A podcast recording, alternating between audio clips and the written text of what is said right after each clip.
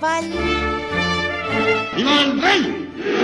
Les dues repúbliques van ser un desastre que va costar la vida a un milió d'espanyols. Ah, muchísimas gracias. Está claro que entre los países políticamente más libres del mundo, culturalmente más progresistas, están las monarquías parlamentarias.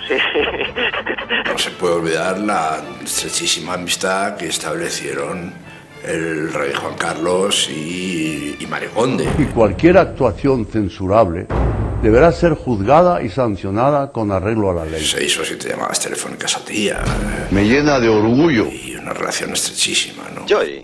¿Qué es lo que hacía Sabino? Sabino trataba de proteger al rey. Manténgase usted alejado de determinados personajes Rapataplin, Urdangarín. y sobre todo no sea usted tan eh, insensato, tan eh, poco prudente. Yo mismo. En Italia el presidente de la República es i- igualmente irresponsable y en Francia. Pocos minutos después de empezar el acto, a don Juan Carlos empiezan a pesarle los ojos otra vez. Don Juan Carlos se duerme profundamente. Y muy buenas noches. Nadie habla de los de las amantes del rey. Quiero más sexo. Nadie habla de los negocios del rey. La corona no escatimará esfuerzo. Todo es incienso, incienso, incienso. El príncipe de Asturias tiene cada día más hambre. Este es un tema tabú, sigue siendo un tema tabú.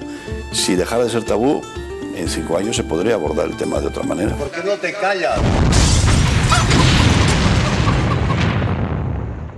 Tot és molt confús.